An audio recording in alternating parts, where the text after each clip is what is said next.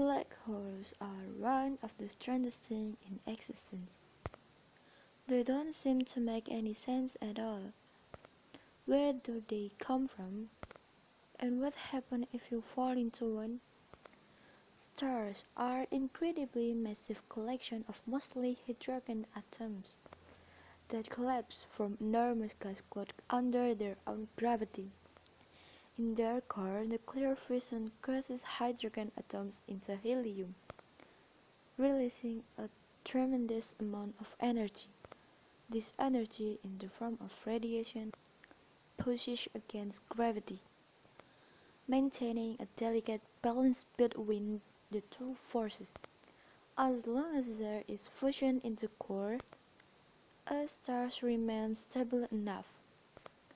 But for stars with way more mass than our own Sun, the heat and pressure at the core allow them to fuse heavier elements until they reach iron. Unlike the elements that went before, the fusion process that creates iron doesn't generate any energy. Iron built up at the center of the star until it reaches a critical amount, and the balance between radiation and gravity is suddenly broken. The core collapses. Within a fraction of a second, the star explodes, moving at about the quarter of the speed of light, feeding even more mass into the core. It's at this very moment that all the heavier elements in the universe are created as the star dies in a supernova explosion. This produces either a neutron star or if the star is massive enough, the entire mass of the core collapses into a black hole. If you look at the black hole, what you really be seeing is the event horizon. Anything that crosses the event horizon needs to be traveling faster than the speed of light to escape. In other words, it's impossible. So we just see a black sphere, reflection, nothing.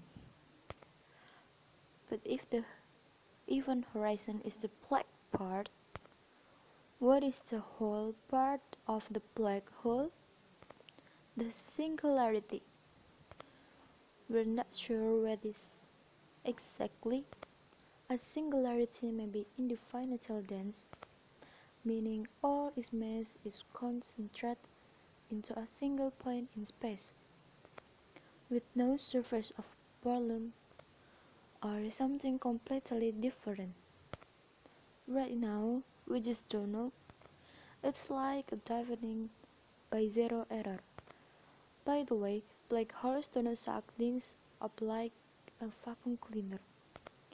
If we were to swap this one for an equally massive black hole, nothing much will change for Earth, except that we could freeze to death, of course.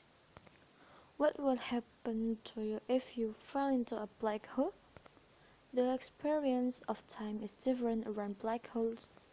From the outside, you seem to slow down as you approach the event horizon. So time passes slower for you.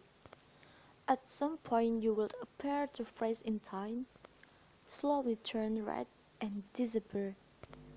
While from your perspective, you can watch the rest of the universe in fast forward kind of like seeing into the future.